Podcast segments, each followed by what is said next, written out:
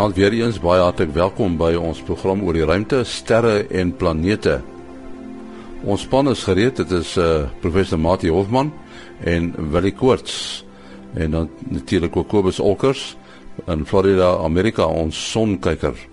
Nou voor ons verder gaan met die program, eers ruimte nuus wat geskryf is deur Herman Turin in Bloemfontein. 'n Ruimtetuig van die Europese Ruimteagentskap Rosetta is maandagooggend gewek nadat in 2011 aan die slaap gemaak is. Die Rosetta is in 2004 gelanseer om die komeet 67P Churyumov-Gerasimenko te onderskep en in November 'n landingstuig op die komeet te laat land. Rosetta is sedert dit gelanseer is so gestuur dat dit 3 keer om die aarde en 1 keer om Mars geslinger is om vinnig genoeg te kan trek om by die komeet by te hou. Die tuig het ook by twee asteroïdes, Steins en Lutetia, verbygetrek. Vanaf die middel van 2011 is die tuig egter in 'n diep slaap geplaas om energie te bewaar. Slegs die rekenaars en verwarmers wat deur sonkrag aangedryf word, is wakker gehou. Die Rosetta is nou meer as 800 miljoen kilometer van die aarde af en dit sal sein ongeveer 45 minute neem om die aarde te bereik. Die tuig sal in Augustus langs die komeet wees wanneer sy landingstuig Philae op die komeet gaan vasmeer. 'n Vreemde klip op Mars se oppervlak het 'n goelbal na wetenskaplikes gebou. 12 Marsdae gelede was dit nie daar nie, maar skielik wys fotos op Mars die teenwoordigheid van 'n vreemde klip op 'n plek waar daar met die vorige fotosessie nog niks was nie. Terwyl die wetenskaplikes nog kopkrap oor waar die klip vandaan kom, wat lyk of dit julle in die middel het, word die eerste uitslae oor die samestelling daarvan ontvang, wat ook die wetenskaplikes dronkslaan. Die ontdekking is nie deur curiosity gemaak nie, maar deur opportunity wat al 10 jaar lank op die rooi planeet rondkrye. Die nuus oor die vreemde klip is juis bekend gemaak tydens 'n geleentheid ter herdenking van Opportunity en sy maatjie Spirit se aankoms op Mars 10 jaar gelede. Die hierdie in die klip bevat baie swaal en bevat ook twee keer soveel magnesium as enige iets wat tot dusver op Mars gevind is. Die mees waarskynlike verklaring oor waar die klip vandaan kom, is dat dit dalk deur een van Opportunity se wiele opgeskiet kon gewees het toe die tuig onlangs 'n meter of 2 van die plek verbygery het. 'n Ander moontlikheid is dat die klip uit die ruimte kon geval het. Tot sover ruimte nuus wat geskryf is deur Herman Turin. Daar sê ons is nou weer met Kobus Olpers in verbinding daar in Florida, Amerika. En uh Kobus, die son se aktiwiteit, hoe lyk dit? Ja, goeienaand en ja. Die son is weer gepeper met sonvlekke hierdie week. Ehm um, ons het ons het 'n uh, eh, ten minste 4 vier redelike is uh, groot groepe, komplekse groepe. Uh een van hulle het die potensiaal vir vir M-klas vakkels wat natuurlik weer vir ons kan probleme gee met ons elektroniese toerusting, met ons satelliet TV, met ons ehm um, GPS'e en dan het ons gelukkig nie meer veel ons die die corona gat wat ons verlede week gehad het is daarom nou agter die uit agter die son ingeroteer en hy hy lyk asof hy weer kan terugkom in, in so 'n bietjie minder as 'n maand se tyd. Ehm uh, maar vir die oomblik het ons nie 'n probleem daar nie. Daar's twee groot filamente wat ook kan laat laat val om 'n om 'n hyder fakkel te te veroorsaak. Eh uh, dit is natuurlik ook 'n potensiaal om om ons langafstand kommunikasie te die mekaar te maak. En verder is die son maar net lekker besig. Uh hy's natuurlik nie so besig as wat hy so 30 jaar gelede was toe ons die groot uh baie groot son maksima gehad het nie. Maar hy's heeltemal besig genoeg om om die lewe vir ons interessant te hou. Goedkoop is as uh, mense met jou wil skakel, uh, hoe doen hulle dit? Hulle kan dit doen by 0832648038. Dis 0832648038, net SMS asseblief. Dat sê baie dankie. Kobus Olkers in Florida, Amerika. Die manne wat ons by die mikrofoon het vanaand, jy weet al wie hulle is. Dis uh, Willie Koorts van die SAAO en uh, professor Mati Hofman van die uh, Digitale Planetarium, die Universiteit van die Vrystaat en die Boyden Sterrewag. Nou ja, ons het 'n vraag van 'n luisteraar ontvang, Willem van Staden van Ashton. Ashton eh, daar in die uh, Kaap. Wat is jou vraag, Willem? En ek wil weet, as 'n mens nou hier op aarde rondvlieg, dan het jy nou koördinate van die satelliete en goed, maar as jy nou die einde van die uitspansel wil probeer bepaal en jy het nou nie GPS of koördinate nie. Is dit moontlik sal dit gedoen kan word dat 'n mens dan nou op 'n manier kan bepaal hoe groot die uitspansel werklik is? As hy die vraag van Willem van Staden van Ashton. Goed, wat is daar is die vraag, uh, wat is jou antwoord? Ja, ja, ek kan miskien net ehm uh, begin om vir Willem te sê ja, daar is natuurlik as mens net dink aan koördinaatstelsels as sulks, ehm um, dan uh, hy het nog gepraat van uh, GPS. So op die aarde gebruik ons natuurlik nou lengte en breedtegraad en en en ons verwys dit van die ewenaar af en ons wys dit na die pole toe. So lengtegraad is natuurlik nou uh um, hoe ver die aarde basies in die ronde gedraai het en dis waar tyd inkom by navigasie en dan breedtegraad is aan die grade van die ewenaar af wat nul tot tot by die pole en dit is dan ook dieselfde stelsel wat ons uh, vir GPS gebruik. Nou GPS is natuurlik 'n klompie satelliete.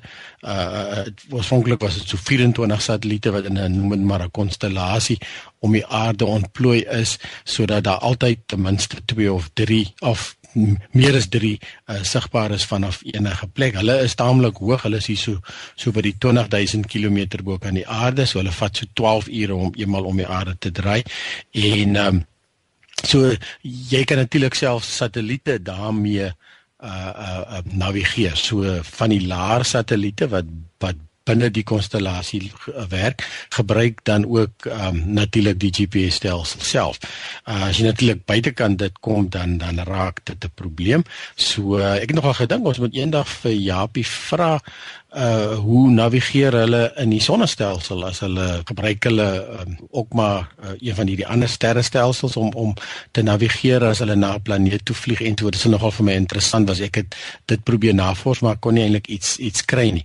Maar as ons nou verder kyk en ons kyk dan uh buite na die na die sterre hemel toe dan moet ons dit vir onsself voorstel dat uh die die son en die en en die aarde uh, die sonnestelsel dit wil sê uh, sit hier in die middel en dan uh, kan jy dink aan die sterre op 'n bal op oneindigheid ver van jou af. Want natuurlik in ons leeftyd gaan ons nie regtig sien dat die sterre met mekaar beweeg nie alhoewel oral natuurlik beweging is. So dan praat ons nou van die ekwatoriale koördinaatstelsel waar ons dan weer eens die aarde gevat het en en en ons het dan net die die asse verleng. So so ons ons dink byvoorbeeld aan 'n aan 'n 'n sterre suidpool en 'n sterre noordpool ons kan natuurlik net die suidpool sien in die suidelike halfrond. Ons kan nie die noordpool waar die ster Polaris of die poolster sit kan ons nie sien nie en um en en ons het ook dan die die ewenaar verleng. So ons het ook 'n hemel ewenaar. En en dit is dan en dan dan meet ons die uh, posisies of die koördinaatstelsels wat ons dan gebruik. Uh, soos ek sê dis die ekwatoriale stelsel en dan praat ons van regte klimming. In Engels praat hulle van right ascension. Uh, uh, en dit is dan gelykstaande aan lengtegraad en dan is ook declinasie of declination wat wat gelykstaande is aan breedtegraad. En dit gebruik ons om om sterre se posisies te gee so as een sterrekundige vir 'n ander wil vertel waar sit 'n sekere ster dan gee hy vir hom die RA of die regte klimming en die en die declinasie of right ascension and declination en en en dit is dan die die stelsel wat ons gebruik ehm um, basies om enigiets in die in die hemelruim te kry. Nou as ons verder werk en ons werk nou op kosmologiese skaal, dan uh waar ons nou duisende galaksies het ensovoorts ensovoorts, dan um, dan is sterrenkundiges geneig om die galaktiese koördinaatstelsel gebruik. Nou uh, hierso werk hulle vanaf ons eie Melkweg af en dit vorm dan die vlak van die Melkweg vorm dan die vlak van die galaktiese koördinaatstelsel en dan uh, enige hoek daarvan af uh, wat 'n sekere ander by eksterne galaksie nou lê gaan gaan die een uh, koördinaat wees en dan die ander een is natuurlik die uh, tussen die son en die um, en die middelpunt van ons galaksie en dan 'n hoek daarvan af. So met hierdie stelsel het ons dan die Melkweg galaksie basies aan die in die middelpunt van die stelsel waarmee die vorige stelsel het ons die uh, die aarde in die in die middel gehad of dan uh, die galaktiese stelsel neem eintlik die posisie van die son ook in die uh, in die koördinaatstelsel in in ag. Nou die akkuraatheid ehm um, waarteen mens goed is uh, meet het het het maar jy eintlik vir ons 'n lekker verduideliking gehad. Uh, en nie as 'n mens 'n uh, voorwerp se posisie uh, of koördinate in die hemelruim wil beskryf, het mens eintlik drie koördinate nodig. Uh twee uh hoeke is om die rigting uh, daarin te bepaal. Soos as jy met 'n teleskoop wil daarna kyk dan jy net in beginsel twee koördinate nodig analoog aan die lengte en breedtegraad soos wat wil ook verduidelik het. En dit moet jy nou ten opsigte van 'n toepaslike koördinaatstelsel meet. Uh die as jy nou begin in die groter heelal werk dan sal jy tipies met die galaktiese koördinaatstelsel werk.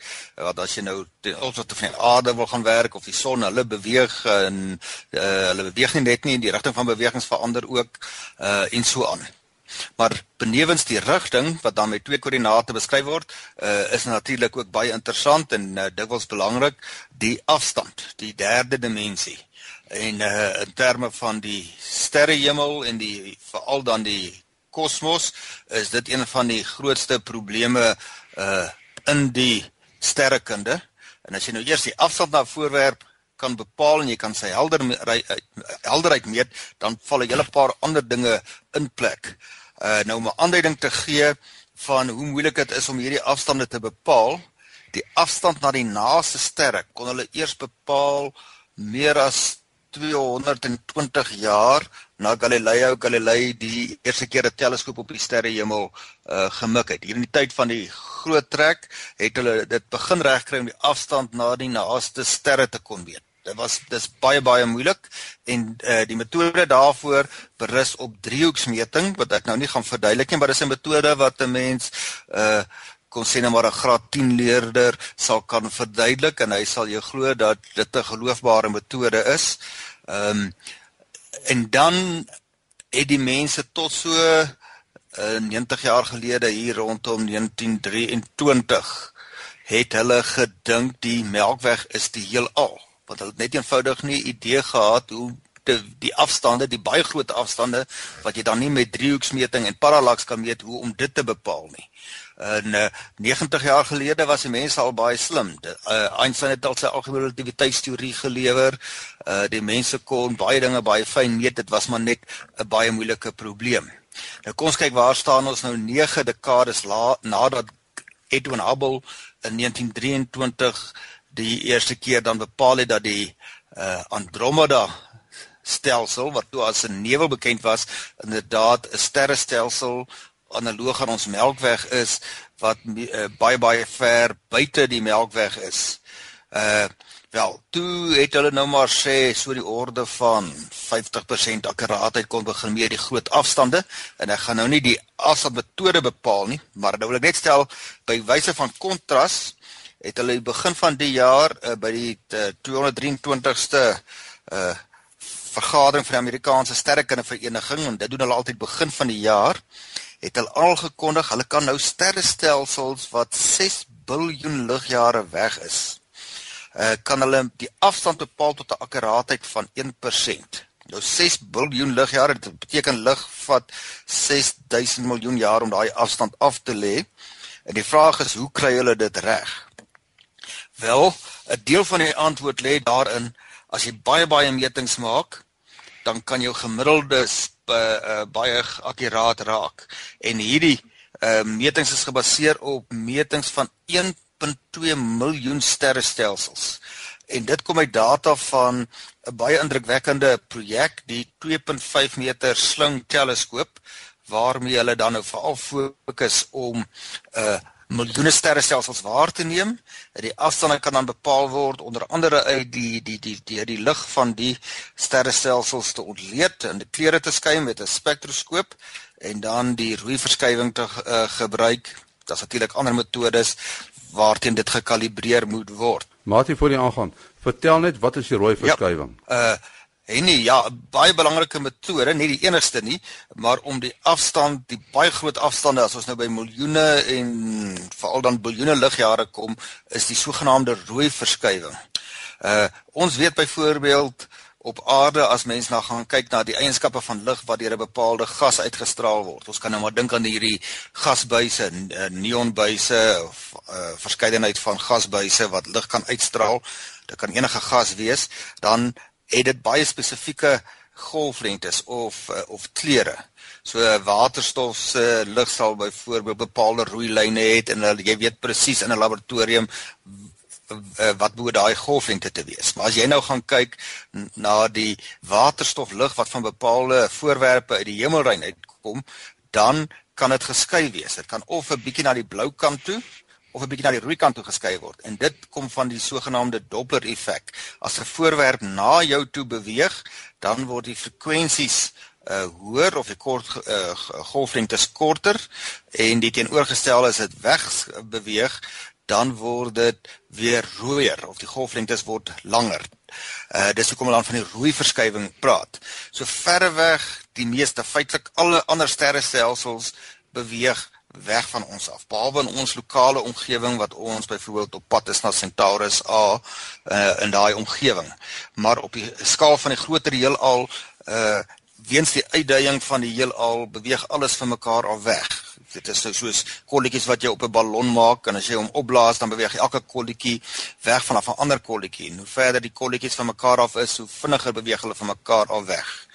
Ehm um, so as 'n mens die die rooi verskywing meet, kan jy bepaal, met ander woorde jy kan die presiese kleur of golflengte meet van die lig wat deur daai stelsel uitgestraal word, dan kan jy eerstens bepaal hoe vinnig beweeg hy weg en dan tweedens weens die ontdekking wat Hubble gemaak het en dan ook Lemaitre, Schleifer en sulke mense met hulle werk hier van 1913 tot 1930 uh die verband dat die wat met die Hubble se wet uitgedruk word uh maar dit kon net sowel Lemaitre se wet genoeg gewees het dat voorwerpe wat sê nou maar 10 maal verder is beweeg ook 10 maal vinniger weg so daar's 'n baie spesifieke verband tussen hoe vinnig hulle wegbeweeg en dit kan jy meet deur net na die lig te kyk en hoe ver hulle is. Ehm um, nou dis nou een metode. Hoe meer verskillende metodes jy het om hierdie afstande te meet, hoe meer geloofbaar geloofbaar word dit. Uh, 'n baie belangrike metode ook op hierdie baie groot afstande is die wat op die supernova tipe 1A gebaseer is. Dit is 'n sekere tipe ontploffing van sterre wat hulle weet maak nie saak waar hy plaasvind nie, hy het 'n sekere hoeveelheid energie wat hy uitstraal. Dit is 'n 'n proses wat hom by geleentheid op verskillende plekke kan herhaal. Ser met 'n bepaalde soort geskiedenis wat dan sy lewe by wyse van hierdie soort supernova uh eindig. So hulle weet presies hoe helder hierdie uh tipe supernova is en as jy dan nou weet hoe helder hy lyk en jy weet hoe helder hy is, dan kan jy die afstand baie akkuraat gaan bepaal. En as jy nou daardie afstandmeting met die ander korreleer en hulle gee vir jou essensieel dieselfde af uh, die antwoord, dan begin jy vertroue daarin kry. En as jy dan nou 'n groep sterrestelsels meet wat nou op uh, in die stru groter struktuur van die heelal in dieselfde omgewing is uh op 'n groot skaal en jy meet 'n groot klomp van hulle, dan kan jy nou baie baie akkuraat uh tot hierdie 1% tipe van akkuraatheid kry. Ek was nogal verstom want normaalweg as jy in die sterk in die astrofisikaal so binne 10% akkuraatheid is, dan reken jy jy doen baie goed. Ja, mense kan seker maar maklik verdwaal in die ruimte, nê, nee, as 'n mens nie al hierdie dinge weet nie. Ja, jy nee, ek meen as jy nie wil verdwaal nie, dan moet jy 'n uh, verwysingspunt hê. Jy moet 'n baken hê of jy moet baie goeie uh, meetinstrumente hê. Maar jou meetinstrument moet jy ook maar relatief tot 'n baken meet. En uh uh as jy op die groter heelal kom, waar is jou baken nou eintlik nê? Nee? Ons gebruik nou maar bakens hierso, ons eie sterrestelsel gee ons gelukkig 'n goeie uh goeie baken. Ehm um, maar wel, uiteindelik is enige baken in die heelal so goed as enige ander een en die een op die groot skaal lyk alles oral dieselfde in alle rigtings. So jy gaan verseker verdwaal as jy nie jou jou oorspronklike koördinaatstelsel se oriëntasie mooi gestoor het. Ja, wil jy het hulle nie die die sterkanopus ook dikwels gebruik om om uh, hulle plek te bepaal in die ruimte nie, uh, die die maansendings en so aan. Ja, ek is nie ek is nie seker nie, maar natuurlik helder sterre gaan uit die hart van die saak en Canopus is natuurlik die tweede helderste ster.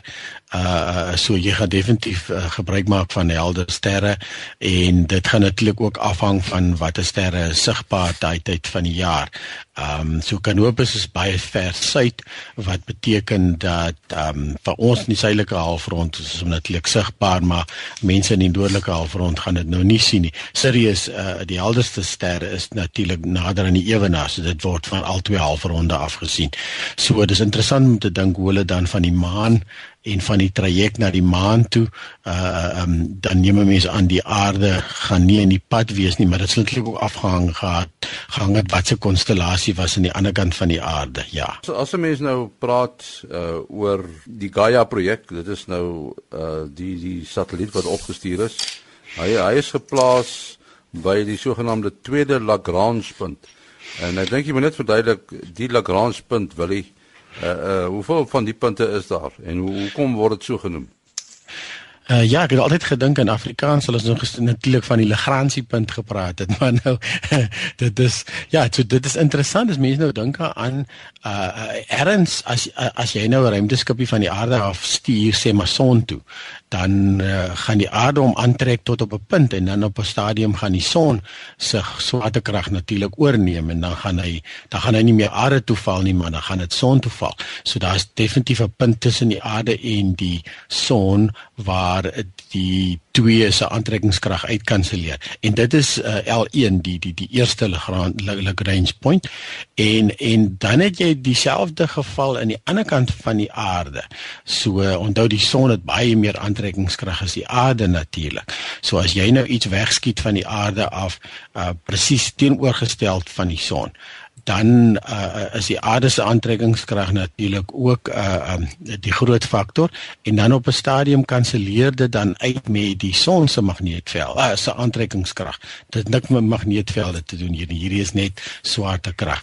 En en dit is dan die sogenaamde L2 punt. So dit is dan waar waar hierdie hierdie projek op pad heen is en as ek dit reg onthou gaan die ehm um, uh, die James Webb teleskoop gaan ook by L2 sit. So uh, dit is dan 'n uh, magiese punt wat nou hier in die middel van die van die ruimte sit en interessant genoeg uh jy kan nou selfs dink as jy net 'n bietjie die kant toe of 'n bietjie daai kant toe dan begin hy weer te val. So wat hulle geneig is om te doen is om die ding eintlik in 'n wentelbaantjie om hierdie punte te sit. So dit is natuurlik hoekom jy kan verskillende sendinge daar sit sonder dat hulle in mekaar se pad raak. Um en dan daar nog twee ander of drie ander punte. So altesaam 5 Lagrange punte en uh, die een gaan dan aan die ander kant van die son wees soos van die aarde af gesien. Uh, uh um, en dan is daar twee op op op 60 grade omtrent op dieselfde um, op dieselfde radius as as as L3 uh, maar 60 grade uit die son en so dit is natuurlik waar is eintlik 'n ingewikkelde as mens so regtig begin dink aan hierdie hierdie swaartekrag noem dit maar netwerk om om die uh uh verskillende hemelliggame waar die uh, die swaartekrag dan uitkanselleer. Wat nou belangrik is wat jy moet onthou is uh in die ruimte moet alles nou maar beweeg as iets nou nie in 'n baan om die aarde of om die aarde uh, of om die son is nie uh dan gaan hy inval na of die aarde of die son. So as jy nou aan die Lagrange punte dink soos wat die aarde om die son roteer moet hierdie punte natuurlik nou saam beweeg. Eintlik meer korrek moet jy sê uh hierdie die aarde en die son wentel om die gemeenskaplike massa middelpunt wat nou baie naby aan die son se middelpunt is omdat die son so massief in vergelyking met die aarde is.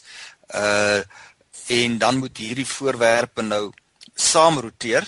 Uh en uh, wat dit dan op neerkom weens die manier hoe die uh, gravitasiekragte mekaar of uitbalanseer of 'n uh, saamwerk is dat jy by daardie voorwerpe, daai punte, daai 5 punte kan jy 'n ruimtetuig sit sodat hy in vryval is. Maar anders jy kan sy vierpyl motore afskakel en as hy dan net teen die regte spoed klaar beweeg, anders jy het hom nou mooi op die regte manier daar gebring, dan kan hy uh, relatief tot die son en die aarde daai punt se posisie behou. Maar dit alles saam roteer rondom die uh gemeenskaplike massa middelpunt. So jy sou nou kon vir jou voorstel jy's uh, maak 'n groot skuif en jy maak hierdie prentjie van die aarde en die son uh en dan en die vyf punte uh en jy maak 'n gaatjie daar waar die massa middelpunt is en dan kan almal saam star roteer. Uh en dit is waarop dit dan neerkom en soos Willie dan nog gesê het, uh dis nie so stabiel al die punte is nie ewe stabiel nie en daarom moet jy hulle nou maar verkieslik in 'n baan om daai punt sit dan moet natuurlik dan fyn verstellings uh, gedoen kan word. Maar as 'n mens nou na 'n prentjie gaan kyk is dit 'n pragtige simmetriese patroon. Ehm um, mens kan amper vir jou dink aan 'n klompie koppies. 'n uh, groot heuwel uh en dan 'n paar rondom hom en dan waar die koppies bymekaar kom, dan kry jy uh, of 'n vallei of jy kry 'n saalpunt. Ehm um, die vorm van 'n van 'n saal amper. Uh dit is by daai tipe van konfigurasie wat hierdie punte geassosieer is. Ja, lang debat is seker net uh, hoe dit hulle uitgewerk waar daai punt presies is. Ja, dit kan nou gelukkig mooi met die wiskunde en die uh die feit dat uh Newton se universele gravitasiewet goed bekend is, uh wat vir jou dan gee op die afstand van 'n bepaalde voorwerp wat is die sterkte van die gravitasiekrag daarvan. Ons uh, dit is dan af van die afstand, uh 1 op die kwadraat van die afstand en dan ook die massas van die uh twee voorwerpe. So gelukkig kon hulle dit al enkele eeue gelede al kon hulle dit uitwerk met die kennis wat hulle tot hulle beskikking gehad het na die werk van Kepler en van van Newton. Goed, ons moet afsluit. Uh, Mati, jou uh, besonderhede? Selfoonnommer 083 625 7154 083 625 7154 en dan wil ek kort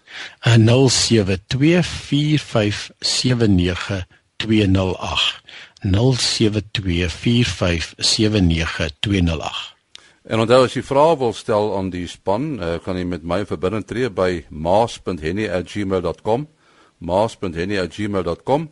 Uh onthou om u telefoonnommer by te sit, dan sal ek u skakel en die vraag opneem wat ons dan in die program sal insluit. Tot 'n volgende keer. Mooi dag.